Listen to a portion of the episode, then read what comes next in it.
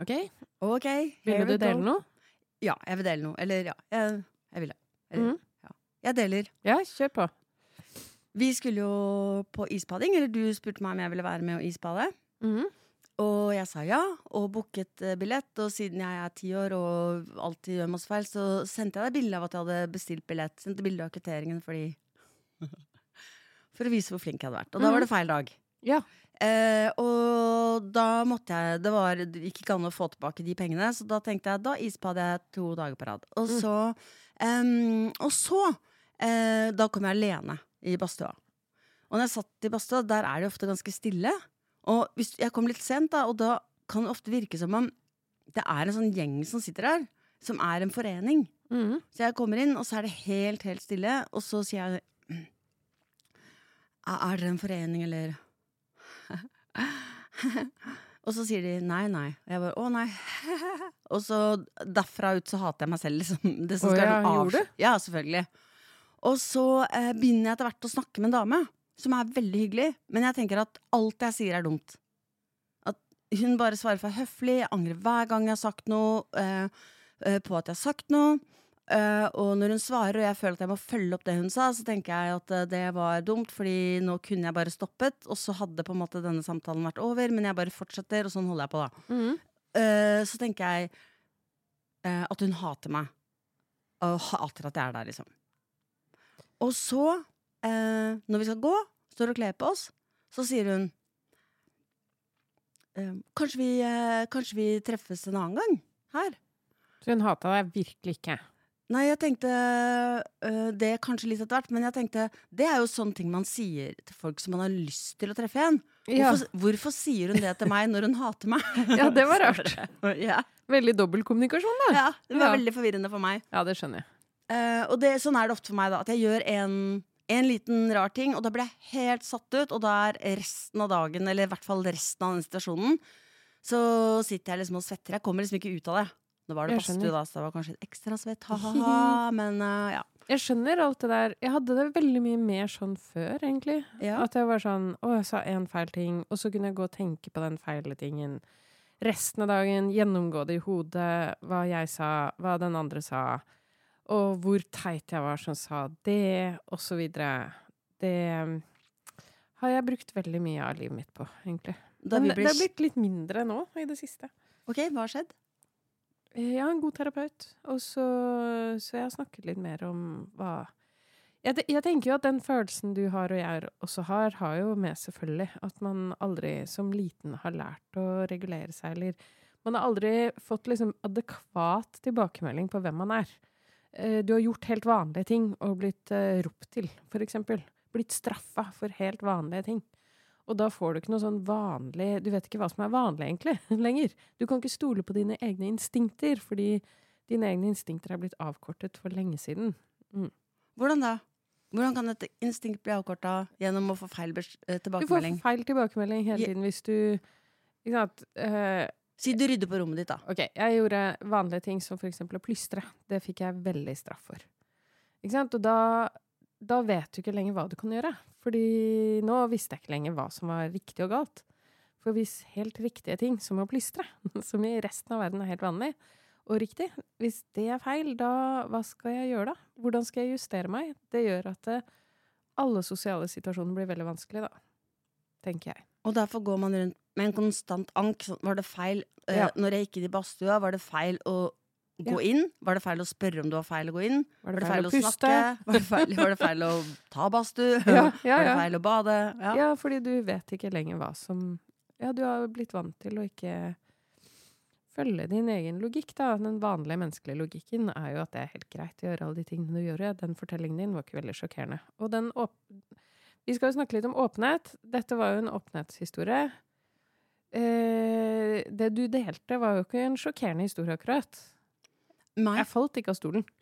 Nei, du Herregud, du snakket i en badstue! Jeg bare Det klikker for meg, liksom. Du gjespa litt, faktisk, mens jeg snakka. Så på klokka. Det var skikkelig kjedelig, helt vanlig historie.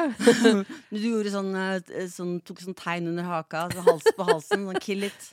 Stop now. Det var ikke skremmende ærlig, følte jeg, da. Men det er klart at eh, den følelsen du beskriver, er jo eh, sårbar, da.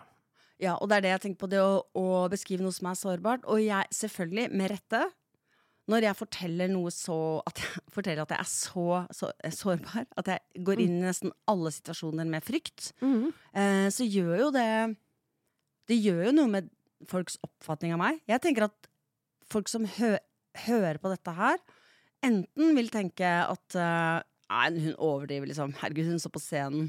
Slapp av. Det tror jeg ikke noe på. Eller Mhm. litt redd. I hvert fall de tenker ikke sånn at jeg liksom har eh, at jeg, at jeg har eh, smerter i kors, ja, og smerter i korsryggen og er tørr i munnen og at det er helt krise. Det tenker de ikke, Mm. håper jeg. eh, eller så tenker de 'Å ja, jeg trodde hun var kul', jeg. Mm. Og det siste er jo det verste. Altså, en, ja, eller, noen ganger syns jeg det er kjipt at folk ikke forstår hvordan jeg har det, fordi det er sykt ensomt. Mm. Og jeg skulle også ønske, selv om det hadde jo vært feil, jo, på, Men jeg skulle på en måte ønske at eh, At jeg eh, fikk en klem, og at noen sa sånn Å, jeg er så glad for at du er der. Men det hjelper jo ikke det heller, for da tenker jeg sånn Hvorfor sier du det? Uh, hvorfor sier Ja, du at ja. jeg er glad for at du er, jeg er her? For det er litt, da. jeg mister litt. Tror de har dårlig selvtillit, eller? Mm, Er det mm, derfor du mm. Ikke sant? Altså, det er ingenting folk kan gjøre, da. Og så tenker jeg at orker noen å være venner med noen som er så utrygge? Er ikke det veldig stress og slitsomt? Mm. Det er veldig koselig, egentlig. jeg syns det? Ja, Men så du det er ikke så redd som meg, faktisk. Nei, Jeg- er blitt mindre redd. Jo, jeg tror også yoga har hjulpet meg veldig. Fordi yoga handler jo det, nettopp om det å puste seg rolig. Så når jeg merker at jeg kaver meg opp, for det merker jeg nå Før merket Mm. jeg ikke det, men nå merker jeg det. Så begynner jeg å puste rolig, og så komme ned i kroppen igjen. Du merker jeg snakker med sånn passe mørk stemme nå. Før Mm. kunne jeg snakke med veldig lys stemme, fordi jeg var veldig oppkavet og redd for å virke truende. Mm, Så jeg mm. snakket der oppe, mens nå snakker jeg jo mye mer nede i, helt nede i brystet. Som også gjør at jeg føler meg tryggere når jeg snakker sånn mørkt. Ja, ja, ja. eh, og sant, da. Jeg føler jo at jeg har en sann stemme når jeg snakker med den mørke stemmen, da. Og rolig, liksom. Så det, jeg, jeg roer ned meg selv, da. Eh, Men- Men, ja, men, men, men dette var ikke det vi skulle snakke om, egentlig. jo, det var egentlig litt fint at du sa det, Fordi okay. det gir håp da, helt Ja, ja. i starten. Sånn, vi sparer ikke håpet til slutt. Det er sånn Nei, vi, Å ja, har du det kjipt? Du kan begynne med yoga. Nei, som vi alltid sier. Ja. Nei, men, og kjenne på denne stemmen, da. Sånn, hvor er stemmen din nå? Du, Mm. snakker du veldig lyst fordi du er anstrengt og redd, eller kan du bare prøve å få stemmen ned i brystet sånn Å, her, ja. Nå snakker jeg helt sånn direkte. Ja, fordi? Jeg prøver ikke så hardt for deg, og at jeg begynner å snakke med lys stemme. nei, jeg har faktisk aldri hørt deg bli sånn stressa av å snakke med lys stemme. Å ja, nei, nettopp. Nei, det gjør jeg ikke lenger, men det gjorde jeg for ti år siden. Ja. Uh, så det er jo stor forskjell Ja, eller jeg, jeg har gjort yoga i 18 år, fant jeg ut nå. Ja. Så da, på den tiden, da. Så etter ti år med yoga, så blir det bedre, folkens. Ja. Det bare Og det var det Kjør håpet vi hadde. Yes! Full pott. Det var nesten gratis håp, det. Men jeg syns jo det er veldig vanskelig med åpenhet av mange grunner. Og en, en Det er jo et uttrykk som heter 'fake it you make it'. mm. eh, som ikke er bare et dårlig råd. Ikke sant? Og, um, fordi hvis man, for eksempel, hvis man for eksempel skal samarbeide med noen, da, Mhm. Så vil man jo gjerne kunne stole på at uh, den personen for eksempel klarer å levere. Eller ikke Mm. for eksempel at den klarer å levere. Mm. Ehm, og hvis du da er, sier det du tenker inni deg, uh, som er 'Jeg kommer ikke til å klare det, jeg har aldri klart noe før', og 'dette her kommer sikkert til å gå til helvete', og 'du har forventninger til meg som ikke kan innfri', og 'nå er jeg lurt av, det her er dumt', og uh, kan, jeg ikke, 'kan jeg være så snill ikke få lønn'? Kan jeg betale for jobb her, og så kan du ha en backup, og så er jeg bare sånn på siden, er det greit? Hvis du sier det, så det blir jo veldig slitsomt for den som sånn skal til og samarbeide med. med. Ja. Ja, med sånn lys stemme. Det blir slitsomt, ja. Det er litt for mye åpenhet i den situasjonen. Så derfor må man fake det. Og når man faker det, så blir man samtidig um, på en måte ekstra stressa. For det er sånn 'Jeg er kjempesikker, og jeg må Jeg er kjempesikker, og jeg må skjule at jeg er kjempesikker'. er. Ha-ha-ha! Jeg klarer Ja. ikke! Og da er det ikke så rart, rart at man bare legger seg hjemme på sofaen isteden, trekker et eh, pledd over hodet og tenker sånn Dette er min yoga. Eller som jeg gjorde, da. Mm. jeg fikk, endelig fikk jobb etter å ha vært sjukmeldt i mange år, så lot jeg som jeg var helt frisk. Mm. Eh, og det var lurt. Ja, ikke sant? Det er jo det. Fordi etter en stund og jeg, jeg lot som jeg er helt frisk, og så måtte jeg gjøre alle de tingene som sikret at jeg var helt frisk, da. Så jeg bare brukte all fritiden min på Da hadde jeg ikke barn, da. Men da brukte jeg all fritiden min på å trene, gå tur i skogen. Eh, Jeg var, sånn, jeg var så utrolig sunn for å klare å holde på den jobben. Og dette er ikke en moralsk fortelling som Nei. politikere kan bruke for å fortelle folk som er sykemeldte, at de skal bare ta seg sammen. For det var ikke det jeg skulle ønske at det ikke hadde skjedd på den måten. Men, Mm. eh, men av og til så vil det å måtte fake tvinge deg til å gjøre noe du ellers ikke hadde klart å gjøre, nesten. Men du, kan ikke vi bare ta sånn en bitte liten eh, digresjon her på det med moralsk fortelling? Ja. Fordi, um, fordi det med at man kan gjøre noe for å få det bedre eh, Det blir jo på en måte misbrukt av de som gjør det til en moralsk fortelling. Men det er jo fint å vite at man kan gjøre noen ting selv. Jeg syns jo det har jo redda meg veldig. Mm. At jeg f.eks. for eksempel går tur. Ja. Men, så, men jeg klandrer ikke de som ikke går tur, for det kan være mange grunner til at de ikke går tur. Kanskje de ikke har sko, eksempel. Ja, men Mhm. seriøst, liksom. Eh, det kan være hva som helst. Um, Jeg tenkte på, I forrige ja. episode så snakket vi om flaks, Ja. og det var veldig gøy å snakke om flaks. egentlig. Jeg har tenkt masse på det etterpå. Så kom jeg på at Machiavelli har skrevet en bok som heter Fyrsten. Og i den så snakker han om mulighet og snarrådighet til at du liksom rykker Du ser en mulighet, og det er flaksen, og så rykker du inn. Så det er jo halvpart Det er 50-50, da. Du ser en mulighet, eller du blir gitt en mulighet, og så Akkurat da har du den rette motivasjonen for å bare ta den muligheten. mm, og det? Det er begge deler. Absolutt. Og det er jo veldig veldig vondt når du vet det. Det er jo ofte sånn man vet det. Det er sånn Hei, du, jeg hører du er deprimert? Eh, Har du hørt at det hjelper å gå tur? Sånn, det, eh, ja, det har jeg hørt om. Eh, men jeg velger å ikke gjøre det. Ja, for det, og fordi vil heller være deprimert, nemlig. Ja, jeg liker det litt, jeg. Jeg syns det er litt koselig å ligge her under skjønner, sånn Offerrollen er så veldig veldig populær i Norge, så jeg tar den. Frp elsker sånne som meg. Jeg er deres kjernevelger. Ja. men, eh, men da- blir det jo moralsk fortelling, ikke sant? Og, og Mm. det er jo veldig synd, for da kan man nesten ikke fortelle om ting som har gått bra. For da kan man ufrivillig bli en som blir brukt som et eksempel. Hilde Østby, hun trente masse, hun. Hun fikk det bedre. Så da kan jo alle bare gjøre det. Ja, kan alle bare gjøre det. Men sånn åpenhet, da. Det er Mm, interessant. ja. Eh, hva er åpenhet, Ja, hva er og når er det man er åpen på ordentlig? Og hva, eh, hva tjener det til, på en måte, å være åpen? Jeg er sånn veldig åpen ja, om mange ting. Eh, Jeg kan gi et eksempel, da. Jeg posta på Facebook at um, jeg har blitt voldtatt ved flere anledninger i livet. Uh, to ganger.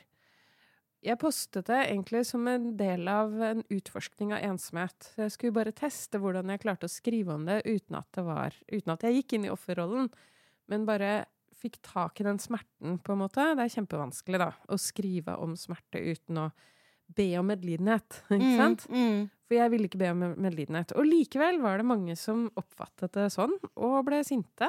Folk ble sinte på meg, sendte meg meldinger fordi de syntes det var helt over grensene, motbydelig etc. Eh, og da ble jeg så eh, paff at jeg For det var jo mange som likte den posten. Eh, og så var det noen som ble veldig sinte. Ja, hva det handler det om egentlig? Du Det var jo mange ting der Ja. som jeg visste om allerede. Mekanismer som skamming. Eh, Folk orker bare ikke å høre om voldtekt. Det er veldig skummelt å høre om voldtekt. Og, og dessuten så blir du veldig medlidende, og kanskje du ikke vil være medlidende den dagen.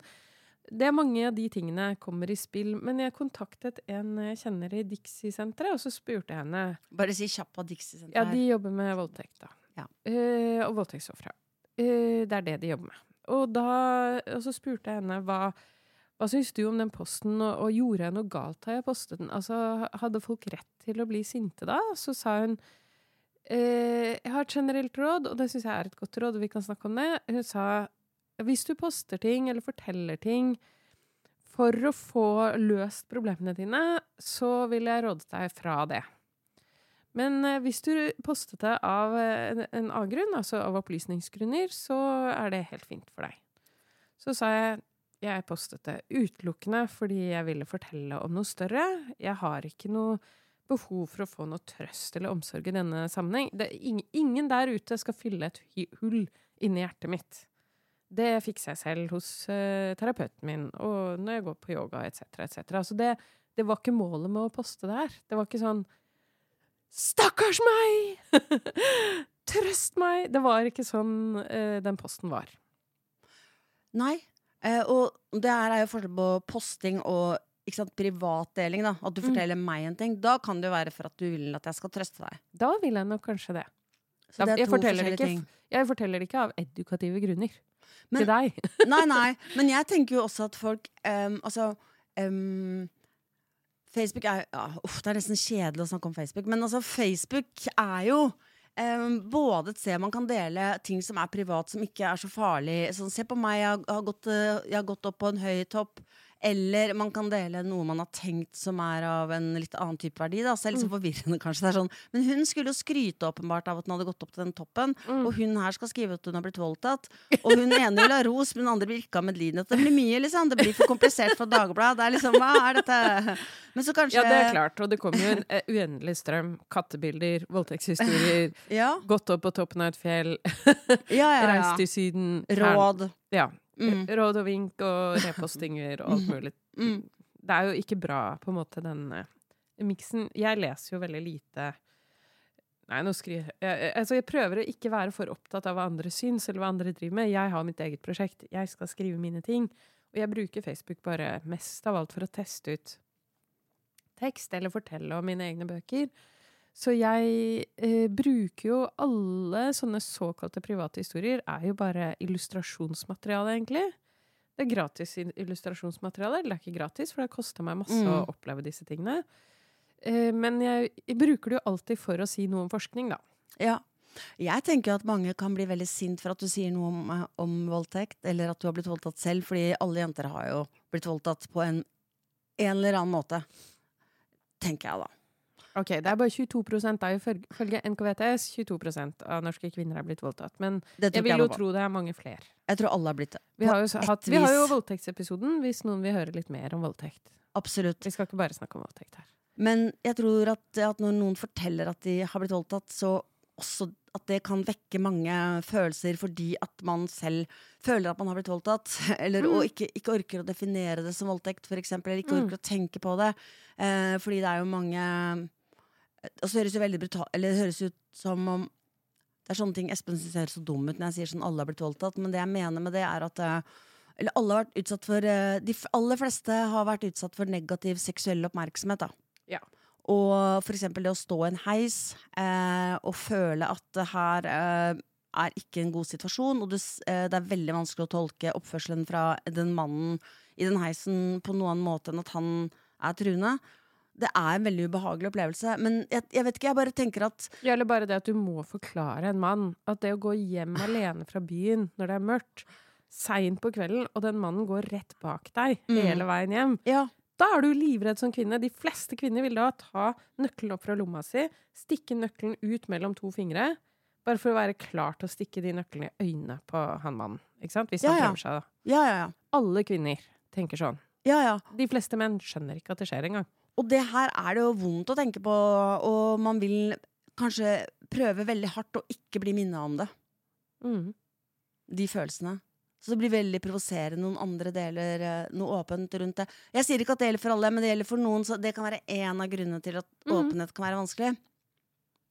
Og så kan jo åpenhetssamfunnet bli bare en jevn strøm av individuelle lidelseshistorier. Og det er jeg ikke sikker på om eh, bidrar til å senke skamnivåene i det hele tatt. Jeg tenker at vi må snakke inn i større sammenhenger. At, eh, eller i hvert fall for min del, så all deling er en del av et større prosjekt som eh, har med å formidle kunnskap. Sette det i et større perspektiv. Jeg tenker at bare de lidelseshistoriene aleine er ikke nok, på en måte. Nei. Det blir sånn som Munch, da. Når man sier at er, er det allmenngyldig? Når han Mm. maler sterke bilder, er det allmenngyldig? Eller er det bare terapi for Munch selv? Mm. Det er allmenngyldig. Ja, ja. Tror jeg, da. Siden han har det store museet. Men eh, Men, men, Men, vi, vi har gått gjennom en artikkel av Hedvig Montgomery og en annen psykolog som skrev sammen om prisen av åpenhet.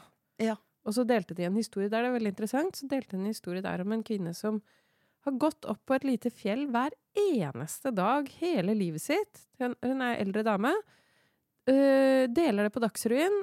Og så, når Dagsrevyen endelig skal sende det innslaget, Så han gleda seg sånn til å sitte med familien sin og spise boller og se på denne koselige historien om hun som går opp på det fjellet hver en, lille knatten, da, hver eneste dag hele livet. Og så vil ikke resten av familien hennes se på det innslaget, så hun ender med å se det aleine, og etter det skammer hun seg, og så går hun ikke opp på fjellet dagen etter. For første gang i hele sitt lange liv. Og, da, og det er en veldig uskyldig deling. Det er et interessant eksempel, for det er en veldig uskyldig deling. Skulle ikke, det skulle ikke få sånne konsekvenser at hun forteller den koselige historien på Dagsrevyen. Det er jo klart det er familien hennes som er problemet her. Det er jo ikke selve innslaget som er uskyldig. Men det er at hun ikke blir tatt imot uh, av de hun er glad i. For det er jo en annen type um, tabu, da. Altså åpenhet for uh, i gåstegn få medlidenhet, men også åpenhet for å i gåstegn skryte. For jeg tenker jo at det var jo ikke en skrytehistorie. Jeg tenker at det er en veldig fin historie om noe man har gjort og, i hele livet sitt, og som kanskje også er ment mer som en type inspirasjon. Mm. Uh, det har vært Det veldig verdifullt for meg. historie. Ja, koselig historie. Men så blir det av familien tolket som skryt. Ja, det og er da, vel det. Ja, Og da også vender de ryggen ja, til eller, henne. Så hun sitter der aleine og spiser boller og ser på dette her utrolig trist. Ja, det er kjempetrist. Ja, og det viser jo bare hvordan åpenhet kan få veldig uante konsekvenser. Jeg for min del er en veldig bevisst deler, så jeg er helt innforstått. Jeg var helt innforstått med at når jeg skrev Kart over ensomheten, ville det få masse konsekvenser for meg. Det visste jeg. Men jeg visste ikke at det skulle få de konsekvensene. Det jeg kan fortelle om det, er at eh, jeg mista jo kontakt med masse folk på grunn av den boka. Uh, Um, og kart over ensomheten. Ja, både den og en sånn kronikk jeg skrev i fjor om jul, og om å grue seg til jul. Ja. Fordi familiejulen i Norge er så lukka. Og det, hvis du er barn og gruer deg til jul, så det er ingen andre steder du kan gå. Du er fanget der, liksom. Så jeg skrev om det. Over en million nordmenn gruer seg til jul. Det var det jeg ville si, si noe om. For jeg ble så drittlei av å høre sånne psykologer si sånn Ja, folk stresser så veldig før jul, skjønner du, så det er derfor de gruer seg sånn til jul. Det er ikke derfor de gruer seg til jul, herregud, det er jo idiotisk. Det er jo på grunn av relasjoner. Alt med jula har med relasjoner å gjøre. Uansett, jeg visste, jeg visste at jeg risikerte noe når jeg gjorde det. Eh, Jeg ble overrasket over å få så sterk respons og bli så ettertrykkelig kasta ut av min egen familie, men det eh, var det verdt. Fordi jeg ville si noe ordentlig om det å grue seg til jul. Det var kostnaden. Det var kostnaden også med den kartovensomheten. ensomheten. Ikke sant? Men det som Jeg skal bare komme med en positivt budskap eh, på toppen av det hele. For det er trist at åpenhet kan føre til disse tingene. Jeg, had, jeg ville ikke ta noen bestemt. Jeg, vil, jeg nav- navnga ingen. Jeg fortalte ikke hva som skjedde. Jeg har ikke fortalt noen ting detaljert om hva som har skjedd i livet mitt. Eh, det forteller jeg til terapeuten min. Eh, men jeg ville, eh, jeg ville gjøre noe viktig og sette lys på noe større som angår kjempemange barn den dag i dag. Og da, til, til det så trengte jeg å bruke min egen historie. Men det som skjedde da, Janne, og som er veldig interessant, det er at når man er veldig tydelig og åpen, så mister man mange, men man får mange. Mm, Og det er derfor vi kjenner hverandre. det er sant. Og jeg fikk mange venner av å skrive Kart over ensomheten. Og jeg mistet mange venner også av å skrive Kart over ensomheten. Og sånn er det kanskje når man er tydelig. Jo tydeligere du blir, jo flere vil du miste, men du vil også tiltrekke deg andre, da. Det er et veldig godt poeng. Fordi det å gå og late som man er en, en man ikke er, det er så ufattelig krevende at det er faktisk ikke verdt det. Altså, Mm. Virkelig ikke. Og jeg kan jo si uh, at jeg har jo uh, ADHD.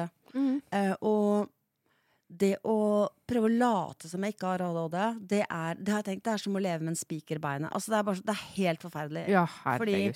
Ja, for det er, et ganske alvorlig, det er en ganske alvorlig funksjonsnedsettelse, i hvert fall hos meg. Eh, fordi at jeg kanskje mest det at jeg glemmer mye og roter veldig mye. Mm. Og at hvis jeg skal prøve å late som om jeg ikke gjør det, som jeg faktisk også driver med, da, så, så, så er det så krevende at da, da mister jeg det i hvert fall.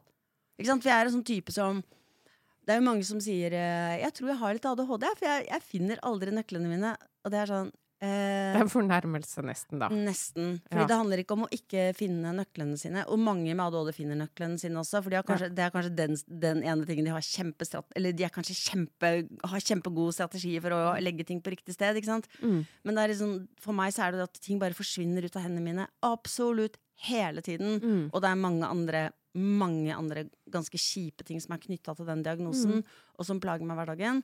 Men em, jeg skulle fram til et eller annet her, og det var at Å late som du ikke har det. Å late som om du er en annen person enn du er.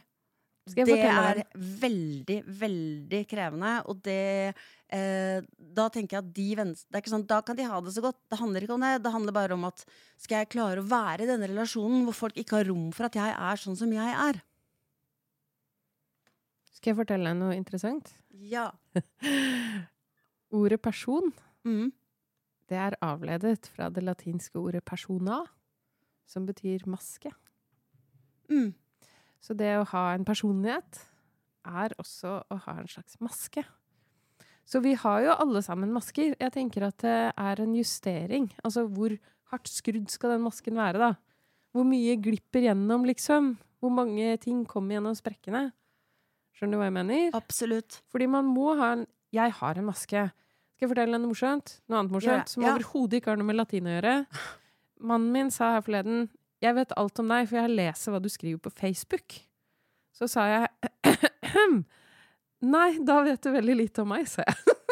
Ja, men allikevel, Hilde, så tenker jeg ok, at jeg skjønner det. Jeg skjønner at man kan dele noe på Facebook, og at det er et et, et bilde på noe. Um, man tar utgangspunkt i en personlig historie for å forklare et større problem. Mm.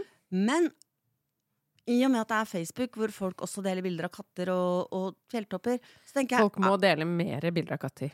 Unnskyld. Absolutt. Ja. Absolutt. Men jeg tenker bare at er det, er det ikke da litt for mye forlangt at folk, og her, herunder også Matt, skal skjønne at det ikke er en personlig historie når det ser ut som en personlig historie? Det er en personlig historie, men det er jo bare en lite, et lite fragment av meg. En liksom flattrykket eh, liten historie eh, som jeg har eh, bearbeidet og knadd og gjort em, mulig for meg å dele uten at jeg føler jeg egentlig har vært veldig personlig, da. Men, Ikke sant? ja, og grunnen til at jeg nevner det, er jo ikke at jeg syns jo det er kjempefint at du tar utgangspunkt i din personlige historie. For det gjør det jo mye mer eh, vikt, Eller gjør det mye mer eh, Tilgjengelig. tilgjengelig og mye mer um, det, gjør, det får meg til å føle meg mindre ensom ikke sant? Mhm. når du forteller noe per personlig. Mm. Men samtidig så ser jeg jo at det er mange som deler noe personlig og ikke forstår eh, at de ikke kan gjøre det, eller ikke har den innsikten i at det er noe helt annet å dele noe privat eh, når man ikke er forfatter eller ikke har en offentlig stemme, og Mm. de tenker at ja, de gjør jo det, de kjendisene, som jeg syns det er en fornærmelse å kalle i hvert fall deg, liksom. Jeg er ikke kjendis. Nei, jeg vet du ikke er det, men folk sier jo kjendiser om alle mulige folk. eh, hvis, altså, noen, altså, folk kaller alle mulige folk for kjendiser. Ja, ja. Eh, og, men eh, da, da, da får man på en måte, selv om man liksom bare er aktiv i en samfunnsdebatt, så er man kjendis. Eh, det, er den nye, det er den nye virkeligheten. Det er litt sånn. Ja, men det Ja, er jo det. Ja, OK. Ja. Ja. Eh, ja, men jeg så det da, du og Ane Dahl Torp for eksempel hadde, eh, eh, skrev om å, bruke mindre skjerm i skolen, så var det noen som skrev 'de kjendisene'. Og da fikk jeg liksom, det, for meg så er det litt sånn frekt, for jeg tenker Mm. Hvordan kan dere si, kalle dem for kjendiser? Ja, Liksom? ja. De er jo, den ene er jo utdanna skuespiller og, og jobber i en respektabel eh, stilling på Nationaltheatret, og hun andre er forfatter. Det Norske Teatret. Det Norske Teatret, og den andre er forfatter og, Mm. og gir ut både skjønnlitterære og, og faglitterære bøker. Og jeg bare tenker sånn eh, Kjendis, det, det tenker jeg det er litt mer sånn eh, Du har vært med på noen realityshow som er helt greit, og liker å være på den røde løperen, bare- som er helt greit. Ja. Men det er noe annet, da. Jeg sklei ut. Ja, du sklei ut nå. Jeg sklei ut. Men poenget mitt er at jeg, Delingen. Hvordan delingene gjøre, gjøres, da. ja, at jeg tenker at mange kan bli forledet til å tro at de også kan dele. Og det er Mhm. litt farlig, mm. fordi de aner ikke hva de har satt i gang når Nei. de deler noe. Nei, Det tror jeg også. Det tror jeg er veldig godt uh, sett. Ja. Det, Og jeg, det er folk i min feed på Facebook som deler helt vanvittige ting fra livet sitt. Altså helt vanvittige ting. Det er en fyr som har vært gjennom så mye vold og overgrep og deler veldig mye av det. Og jeg er bekymra for han. På mange måter så er jeg bekymra for han, for jeg tenker at han vet ikke egentlig Han er ikke forfatter. han vet ikke helt hva slags konsekvenser det kan få eh, å dele de tingene her. Og kanskje også Anna Fiske har eh, skrevet en så utrolig nydelig bok som jeg håper alle kan lese, som heter eh, 'Havet deg jeg alltid kommer tilbake til', og som handler om en eh, Det er en, en eh, nydelig sånn hovedperson, og forholdet mellom den hovedpersonen og mora, som ikke er så bra. Og så dør moren. Og så mm, sitter hun på stranda i en av tegningene, og så sier hun um, tenker hun det er et hull i hjertet Jeg prøver å fylle hullet i hjertet mitt med sand. Det er noe sånt. Ja. Prøver å fylle det hullet i hjertet med sand. Klarer ikke å fylle det. Det føler jeg beskriver alt jeg føler knytta til det å leve med traume og føle at man ikke har blitt sett og forstått. Og det hullet kan aldri bli fylt, og det gjelder å skjønne det. Og øh, følgere på sosiale medier kan ikke fylle det hullet. Nei, det er akkurat det. De kan aldri fylle det. Og, Mm. eh, og de, men det de kan, er å gjøre det verre og større. Ja, ja, absolutt. At Og- det føles enda mer ensomt, egentlig. Ja, jeg tenker også på Noen av de verste eksemplene jeg ser, er jo folk som er midt i et samlivsbrudd, og så deler de det. Oi, ja. mm. og, så Mm. er det sånn, og så får du sånn 'Drittsekk, fy faen, er, er bra du er kvitt han', og så logger du, og så er det det du fikk, og, og syv sånne sinna-smiley. Ja. Eh, og da det, det er veldig ensomt. Ja, det er det. Det er veldig ensomt. Eller folk som er i sånne der eh, Barnefordelingssaker har jeg også sett. Så jeg Ja. har tenkt det her er fryktelig vondt for alle involverte, og de barna er eksponert på en eller annen måte inn i dette på sosiale medier. Det er eh, veldig vondt å se, altså. Det er veldig vondt å se. Men, ens, men eh, åpenhet er jo bra hvis det er Den beste åpenheten er jo at har, man har hatt det folk elsker, er jo at man har hatt et problem. Og så var det litt vanskelig, og så kommer det som blir, ofte blir kalt som eh, 'snakker ut om den vonde tida'. Så det sånn, ikke sant? Ja, nå Ja. har du Du har jo suksess. Eh, liksom. Du er jo nå um, Så nå er din- har du ikke en vond tid lenger. Nei, ikke sant? Når folk nettopp har fått en rolle da, i en Mm. fantastisk film, og så int- blir de intervjua, og så sier de kanskje ikke så veldig mye om at de har hatt det vanskelig, men de nevner kanskje at det var kanskje, Faren døde, eller et eller Ja. Og da er det eh, den type intervjuer som heter 'Snakker ut om den vonde tida'. Ja. Um, men det som er helt forferdelig, er jo hvis du eh, har hatt en veldig vond tid, og så er den ikke over. Eh, sånn Som regel er den jo ikke over. som regel er den ikke over, men alle som snakker ut om den vonde tida, får det til, eh, selv om ikke det var deres intensjon, Mm. får det til å høres ut som at det går bra til slutt. Men Mm. hvis du har f.eks. sterk angst, så vil du kanskje måtte ha um, angst eh, til og fra hele livet. Selv om det kan bli bedre. Men det vil aldri bli- borte. Terapeuten min tror det blir borte. Ja, det tror ikke jeg, men lykke Jeg til. veldig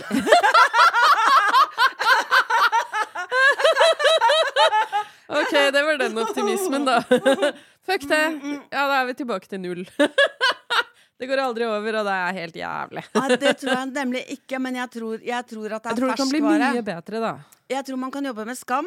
Få skammen ned, men det er ferskvare. Man må gå tilbake, jobbe Ja, med det på nytt. ja. Eh, angst, depresjon. Dessverre, det kommer tilbake. Eh, og det syns jeg er Det er den største løgnen i offentligheten. Det er at angst, depresjon, sorg eh, går over. Det gjør jo ikke det. Mm. Ingen vet hva livet vil bringe. Og, og, og Ok, Men nå ja. skylder du meg masse penger for den der terapeuten, ass. Han Så skylder meg masse penger. Han skylder meg masse penger. Tenk å si noe så dumt. Herregud. Nei, jeg, har- jeg, har veldig tro på at jeg, at jeg blir ferdig med angsten, jeg, da. Kan jeg Altså, angsten Jeg kan jo ikke dele åpent om angsten, Janne. Kan jeg det? Jeg vet ikke. Det er opp til deg. Ja, altså, hvorfor deler man? Hvorfor forteller man? Eh, er det for at jeg selv skal føle meg bedre akkurat her og nå? Fordi hvis jeg snakker om angsten, så blir angsten mindre, altså. Hvis jeg skal, snakker om skamfulle ting, så akkurat når jeg snakker om det, så blir det mindre. Vet du hva jeg posta på Facebook? Det var veldig fint for meg. Jeg skulle jo skrive en, en post om skam, men dette var en post som også var rett og slett eh, litt selvterapi. Eh, altså at jeg var ikke helt ferdig med den følelsen. Som regel når jeg poster et eller annet, eller skriver noe som helst, så er jeg helt sånn ferdig bearbeida på det. Så det er ikke Jeg står ikke midt i en prosess med det.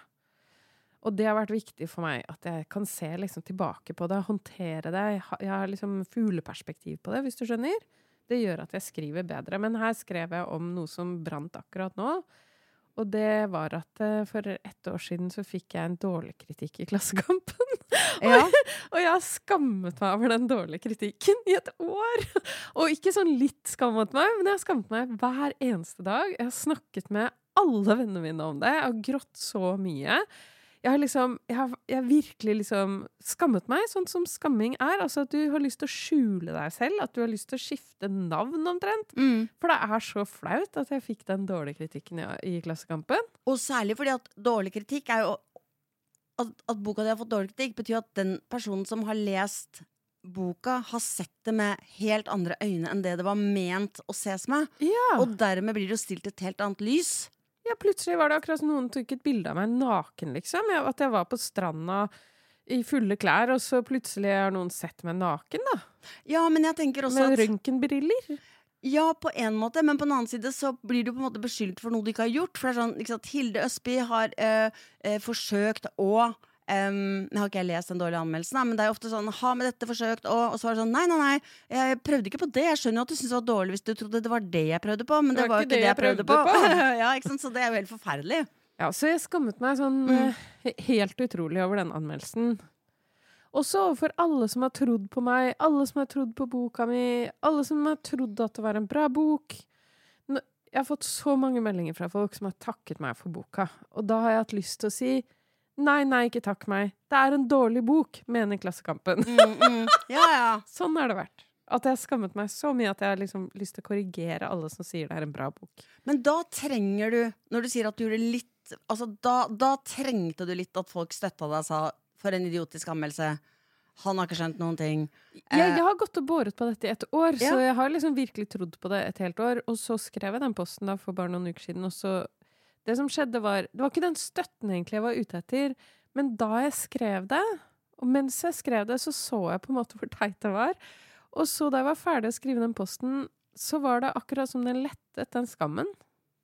Så det Hvordan kan da? virke. ja, det kan virke. Jeg har ikke tenkt på den anmeldelsen før jeg satt nå og skulle fortelle om ting jeg skammer meg over, og hva åpenhet kan gjøre. Da var den skammen borte. Og nå er jeg ferdig med den. Ja, for akkurat den skammen med den anmeldelsen, det var et troll som, eh, som sprakk når sola skinte på den. ikke sant? Ja. For det skjer av og til. Av og til skjer nok det, og det var nok fordi det var jo Det var jo ikke den største skammen i mitt liv, men det føltes veldig sånn ut, altså. Så jeg, jeg, for jeg tenkte på det hver eneste dag, altså. Jeg gråt ofte. Kanskje en gang i uka gråt jeg over den anmeldelsen. Ja, vet du hva, Anmeldelser er helt jævlige. Og mange av de burde virkelig ikke vært skrevet. Nei. Men eh, i hvert fall Ikke glem at jeg helt også er eh, anmelder, da. Ja, men man burde, hvis man skal gi en dårlig anmeldelse, så burde man i hvert fall dobbeltsjekke det med andre. Jeg vet ikke om du gjør det, men eh, for å være sikker på at man i det minste har forstått prosjektet til den som har skrevet boka, før man hamrer løs. Ja men uh, ja, nei, altså, jeg tenker jo det at uh, hvis jeg har delt noe, så har jeg stort sett angra. Men jeg tenker at Har du? Ja. Har det ikke frigjort deg i det hele tatt? Nei. For jeg føler at det, det motsatte skjer. Altså enten at det, eh, det virker usannsynlig at folk ikke tror på det, eller at jeg tenker Men jeg har jo sagt det, hvorfor fortsetter dere å gjøre disse tingene? Jeg har jo sagt at jeg, altså, Da tenker jeg privat, da. Jeg har jo sagt at jeg syns det er veldig vanskelig Mm. um, og um, med stress, for eksempel. Da. Det er jo ikke så veldig åpent, da. Men jeg har jo sagt det, og så fortsetter folk likevel å stresse meg. Så tenker jeg, er det ingen som Jeg hva gjorde det nettopp! Ja, men, men det, Jeg gjorde det rett før vi skulle starte her nå. Ja. Unnskyld. Men jeg hadde ikke allerede sagt deg at jeg ble stressa av det. Så da du er off the hook. Men det var derfor jeg kom på akkurat det eksempelet. At liksom, ja. Eller, eller igjen eh, ADHD, som jeg eh, kommer tilbake til uh, ofte. At jeg forteller at jeg har ADHD, men jeg er likevel ikke off the hook. At likevel så blir det Jeg føler bare at jeg hadde mye vann i munnen. Um, jeg liker det for at det ligger uh, lussekatter på bordet. som Hilde har tatt med. Mm, som jeg har lyst på Vi kan spise det etterpå. etterpå. Men ja, men altså Jeg har sagt fra om det. Det blir ikke tatt hensyn til det. Og da føler jeg meg bare enda mindre. Da tenker jeg det hadde vært bedre om jeg ikke hadde sagt det. Ja, for da blir du ikke så skuffa? Nei, og da blir jeg ikke så såra heller, for da kan jeg i det minste tenke Men de, De visste vet ikke ikke. Nei, de visste ikke at det var det verste de kunne gjøre med meg, liksom. Nei, men, nei, men nå kommer vi tilbake til det der med persona, maske, holde opp masken osv. Du hadde nok blitt dårlig av å holde opp den masken, da. Så da er prisen her at du av og til blir skuffa. Prisen å betale for å være åpen, da, er at du kommer til å bli litt skuffa, men du orker jo ikke å holde den masken så tett inntil ansiktet heller. At ikke folk ser. Nei, men samtidig så er det Det gjør det så ekstra sårt at det nesten At jeg av og til tenker at det ikke er verdt det. Mhm. Ikke sant, det kan være Men si for eksempel, da. Ok, la oss si at du, du føler deg veldig ensom, og tenker at ja, jeg kommer til å være alene i romjula. Jeg er alene. Mhm. Eh, og så har du fortalt det til eh, noen venner av deg. Altså fordi du, du har venner, men du har ikke familievenner. Mm. Eh, nei, de, vennene dine er rett og slett opptatt med, med seg og sitt. Han, Mm. eh, og det er ikke fordi de er dårlige mennesker, det er bare fordi de er oppi masse andre ting. Mm. Men likevel så vet de jo, du har jo fortalt dem at du kommer til å være alene i hele romjula, og så er det ingen som ringer. Mm. Da føles det bedre å ikke ha sagt det, Jeg skjønner det. for da blir det på en måte et svik. Og det er det jeg på mange måter tenker at er en utfordring med åpenhet. At du, du har på en måte ropt om hjelp, og så Mm. får du ikke hjelp. Og det Ja. gjør det så veldig, veldig vondt. Ja, det skjønner jeg.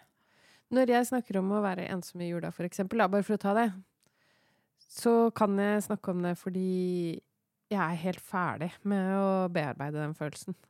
Og jeg har feira utrolig mange julaftener helt alene. I fremmede byer. Og det um, har gått greit. Jeg har på en måte forsonet meg med at det kan jeg gjøre. Akkurat nå må jeg jo Må.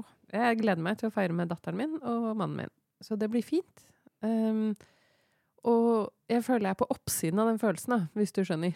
Ja, så, men da, Så derfor så er ikke det å dele er ikke Det vil ikke fremkalle den skuffelsen. nei. For det er da du, du gjør deg veldig sårbar hvis du Mm. deler og håper at du skal få Ja, den empati. invitasjonen, eller, da. Ja, ikke sant? Ja. Ja. Eh, men da men for det er jo vi snakker, Hvis vi nå snakker om privat deling, da, og Mm. ikke åpenhet i det offentlige rom, som tross alt de fleste er jo ikke ja, Facebook kanskje er deres offentlige rom, da, men bortsett fra ja, ja. Men i Jeg tenker det holder lenge for å forstå hva offentlig deling er, da. Ja, ja, ja. Men jeg tenker på, bare på jobben, for eksempel. Da. Hvis det er jo mange som oppfordrer til at man skal eh, sånn Hvis dere syns noe er vanskelig, fortell om det. Så vi er her for å hjelpe hverandre. Ikke sant? Og så forteller man om det, og så ser man på de andre at de tenker Vet du hva, det her må du bare fikse, for jeg har mer enn nok med mitt. For jeg orker ikke å høre om dette! Nei, og jeg har mer enn nok med mitt. Og så blir man stå, og så sier de kanskje ikke det, men de bare De sier ja. Ok, men hvorfor søkte du deg hit da, hvis du ikke kan det? Altså, ikke? Det er ikke sånn at det løser alt mulig å være åpen, da. Det er poenget mitt. da Jeg, er ikke mot åpenhet. Jeg bare sier at det er ikke en løs Det er ikke, det er ikke én løsning som passer i alle situasjoner. Det er ett et, et av flere virkemidler man kan bruke for å få det bedre i livet sitt. mm, Hvis man bruker det med omhu. Jeg bruker det jo kun for å forbedre samfunnet, egentlig. Jeg tenker at uh, jeg vil ha skammen bort fra steder i livet hvor skam ikke hører hjemme. Det hører ikke hjemme med skam hvis du er blitt voldtatt eller utsatt for vold eller mobbing. Det er ikke du som skal skamme deg. Du skal ikke skamme deg. Og derfor så vil jeg snakke om det, både hvor vanlig det er at disse tingene skjer, disse fæle erfaringene skjer, og hvor lite skyld du egentlig har i de, og hvor lite du skal skamme deg over det. Det skjer med veldig mange. Det er ikke fordi du er ekstra dårlig at det skjer med deg. Derfor vil jeg dele ting. Så det har ingenting med min psykiske helse å gjøre, egentlig. Jeg vil si en av de få tingene som har hatt med min psykiske helse å gjøre, var den posten hvor jeg delte det med Slakten i Klassekampen. Fordi det virkelig hadde betydning for meg. Altså, men ellers så har det aldri noen sånn direkte innvirkning på min syke. Hva jeg det heller. Og det er jo ganske interessant, da, for der kan man nesten se forskjell på, på offentlig og privat. Mm. Fordi at ehm, hvis du deler eh, om din egen ensomhet, og folk klarer å tolke det som et eksempel, Mm. eh, som jeg gjorde da jeg leste, eh, da jeg leste bøkene eh, dine, da jeg Mm. leste 'Kart over ensomheten', så tenkte jeg ikke sånn eh, fortell, altså, Det var for mye. Jeg tenkte aldri, jeg skjønte at det her var eksempler. Og, og det virka som sagt det, det ga meg trøst, og det ga meg forståelse, fordi det er jo eksempler som vi alle kan relatere til på et eller annet vis. da Mm. men hvis jeg for eksempel ehm, Nå bruker jeg ADHD som et eksempel hele tida. Men altså, hvis jeg skulle skrevet en bok om å ha ADHD, Mm. hvordan det var å leve med den diagnosen, så ville jeg sikkert ha skrevet uh, Den boka ville jo sikkert vært uh, jævlig bra. Men den ville jo, Ja. vært, den ville jo hatt eh, eksempler om ting som ga en fordel, og ting som var en ulempe, og om kampen for ditt for å bli forstått, eller for at det skal bli eh, større forståelse for det i samfunnet, medisiner, mange sånne ting. Og da kunne jeg jo delt uh, personlige historier. Mm. For eksempel nå nylig så har det jo vært utsolgt for ADHD-medisiner. Ja. Fordi at uh, uh, Fordi man trodde at den Altså Noen produsenter trodde at noen andre produsenter kom til å uh, produsere den type amfetamin som de Ja. også har. Men så skjedde ikke det, så da ble det, uh, da ble det Et hull i markedet. ja, det ble altfor lite medisiner, da. Mm. Uh, og det er jo en ting man kunne snakket om. Men hvis jeg skriver på Facebook eh, Fy faen! Eller jeg må ikke si fy faen, da, men jeg, nå er, er det mulig eh, Det fins ikke flere ADHD-medisiner igjen på apotekene i Norge. Dette er helt krise. Vi som har ADHD, sliter veldig nå. Eh, og får det veldig vanskelig. Det går utover studier og jobb. Da hadde jeg likevel følt at jeg var veldig privat. At jeg snakker fordi, jo fordi, selv om jeg hadde referert til noen andre, så hadde jeg følt at jeg sa det eh, for min egen vinnings skyld. Oh ja, Og det tror jeg folk syns er veldig provoserende. Nettopp det. At, man, at de tenker, de mistenker deg for å være åpen. For din egen vinnings skyld. Du skal, hvis du skal være åpen, så må du være, være det for andre. Det føler jeg er en greie. Ok, jeg ville ikke tenkt det hvis du posta det, altså. Og jeg har jo en annen venn på Facebook som eh, også har ADHD, og også på, som har posta dette før. Hallo, nå er det skikkelig mangel på, manko på ADHD-medisiner. Jeg vet ikke hva jeg skal gjøre. Hvordan kommer dette til å angå alle som har ADHD i Norge? Det syns jeg var en veldig helt grei ting å skrive, egentlig. Han, han er jo helt på riktig måte investert. Eh, Det gjelder hans liv, men det gjelder også alle andre ADHD-folks liv. Så hvorfor ikke, liksom?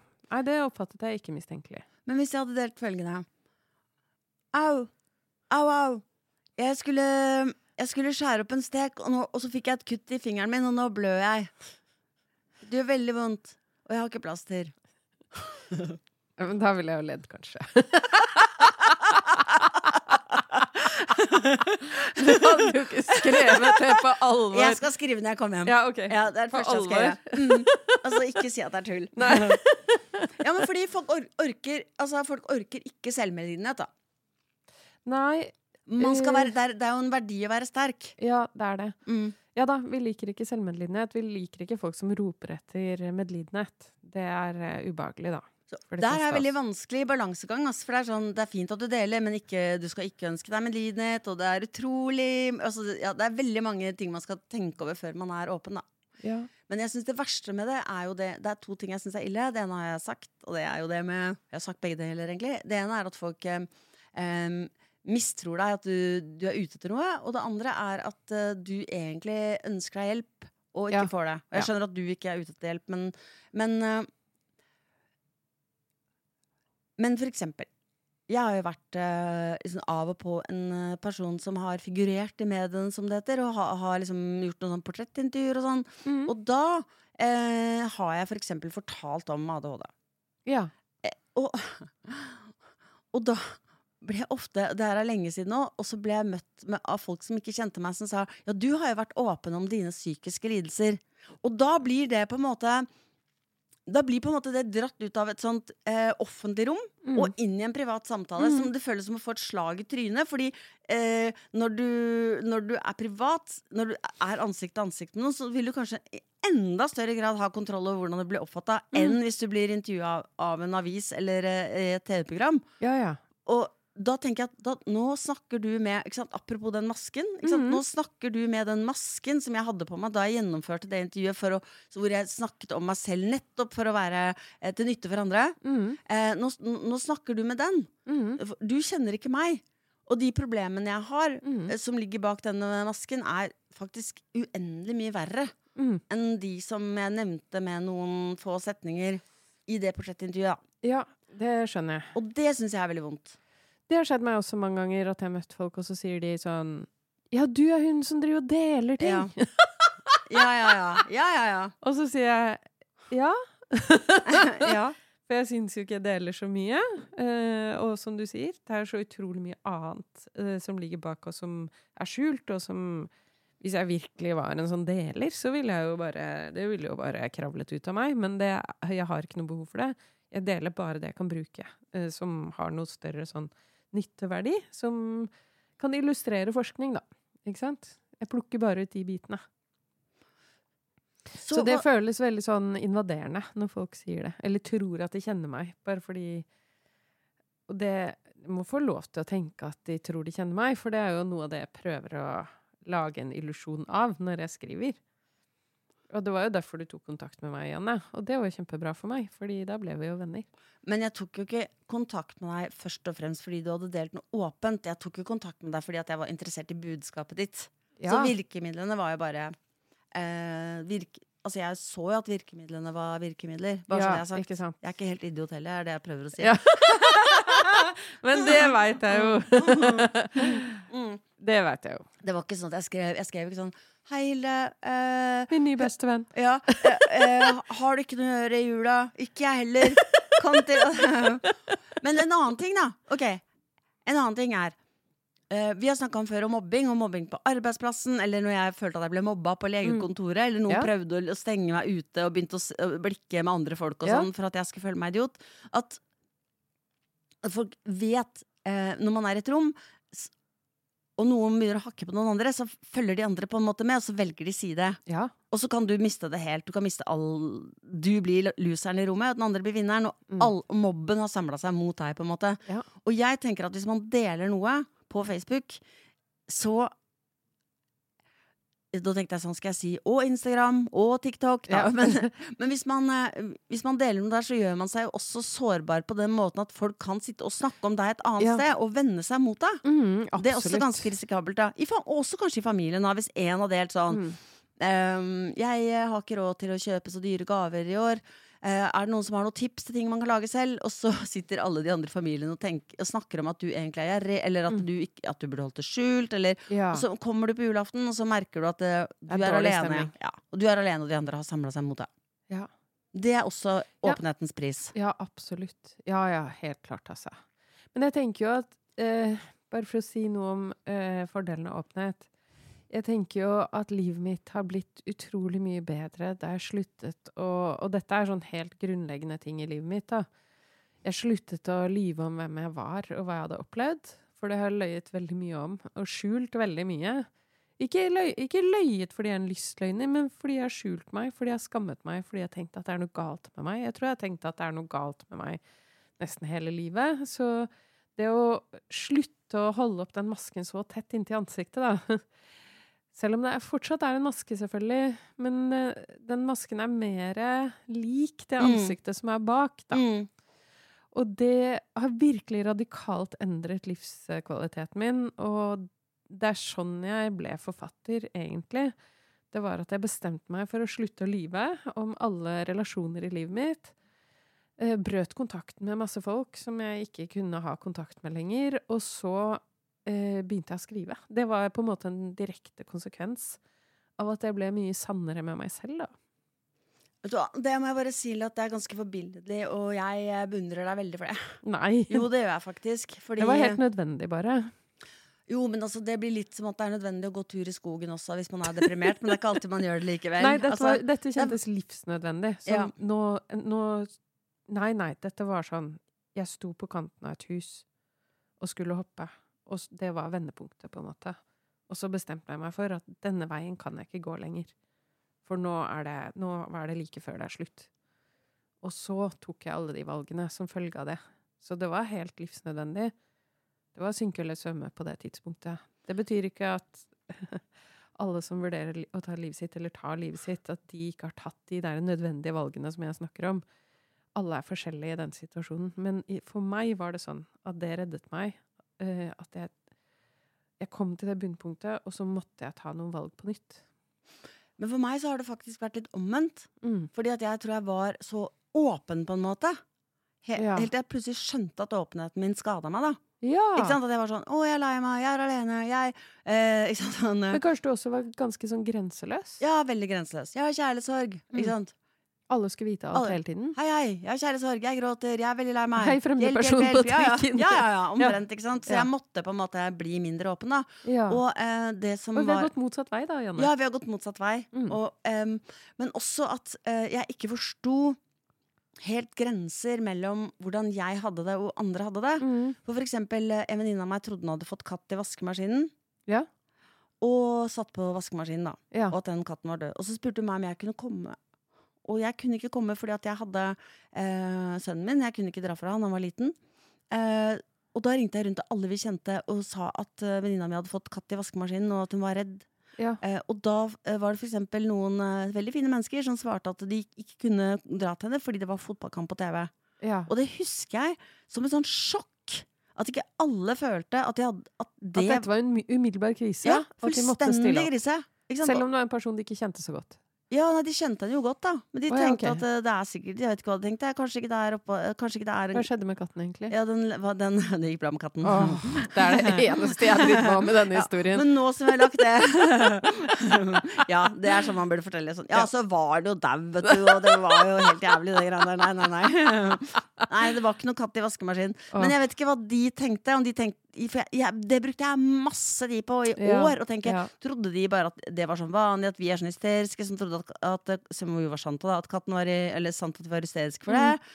Eller var det at de bare dreit i det, liksom? Eller, var det bare, eller tenkte de at det, er, det, man, det får man bare ordne selv? Det er ikke mitt ansvar. Ikke sant? Ja. At jeg kanskje også Den åpenheten var også en følge av at jeg tenkte at vi alle har et ansvar for hverandre. For jeg, det gjør jeg faktisk. Jeg er en ganske ansvarsfull person. Ja. Jeg føler veldig mye ansvar for andres lidelser. Mm.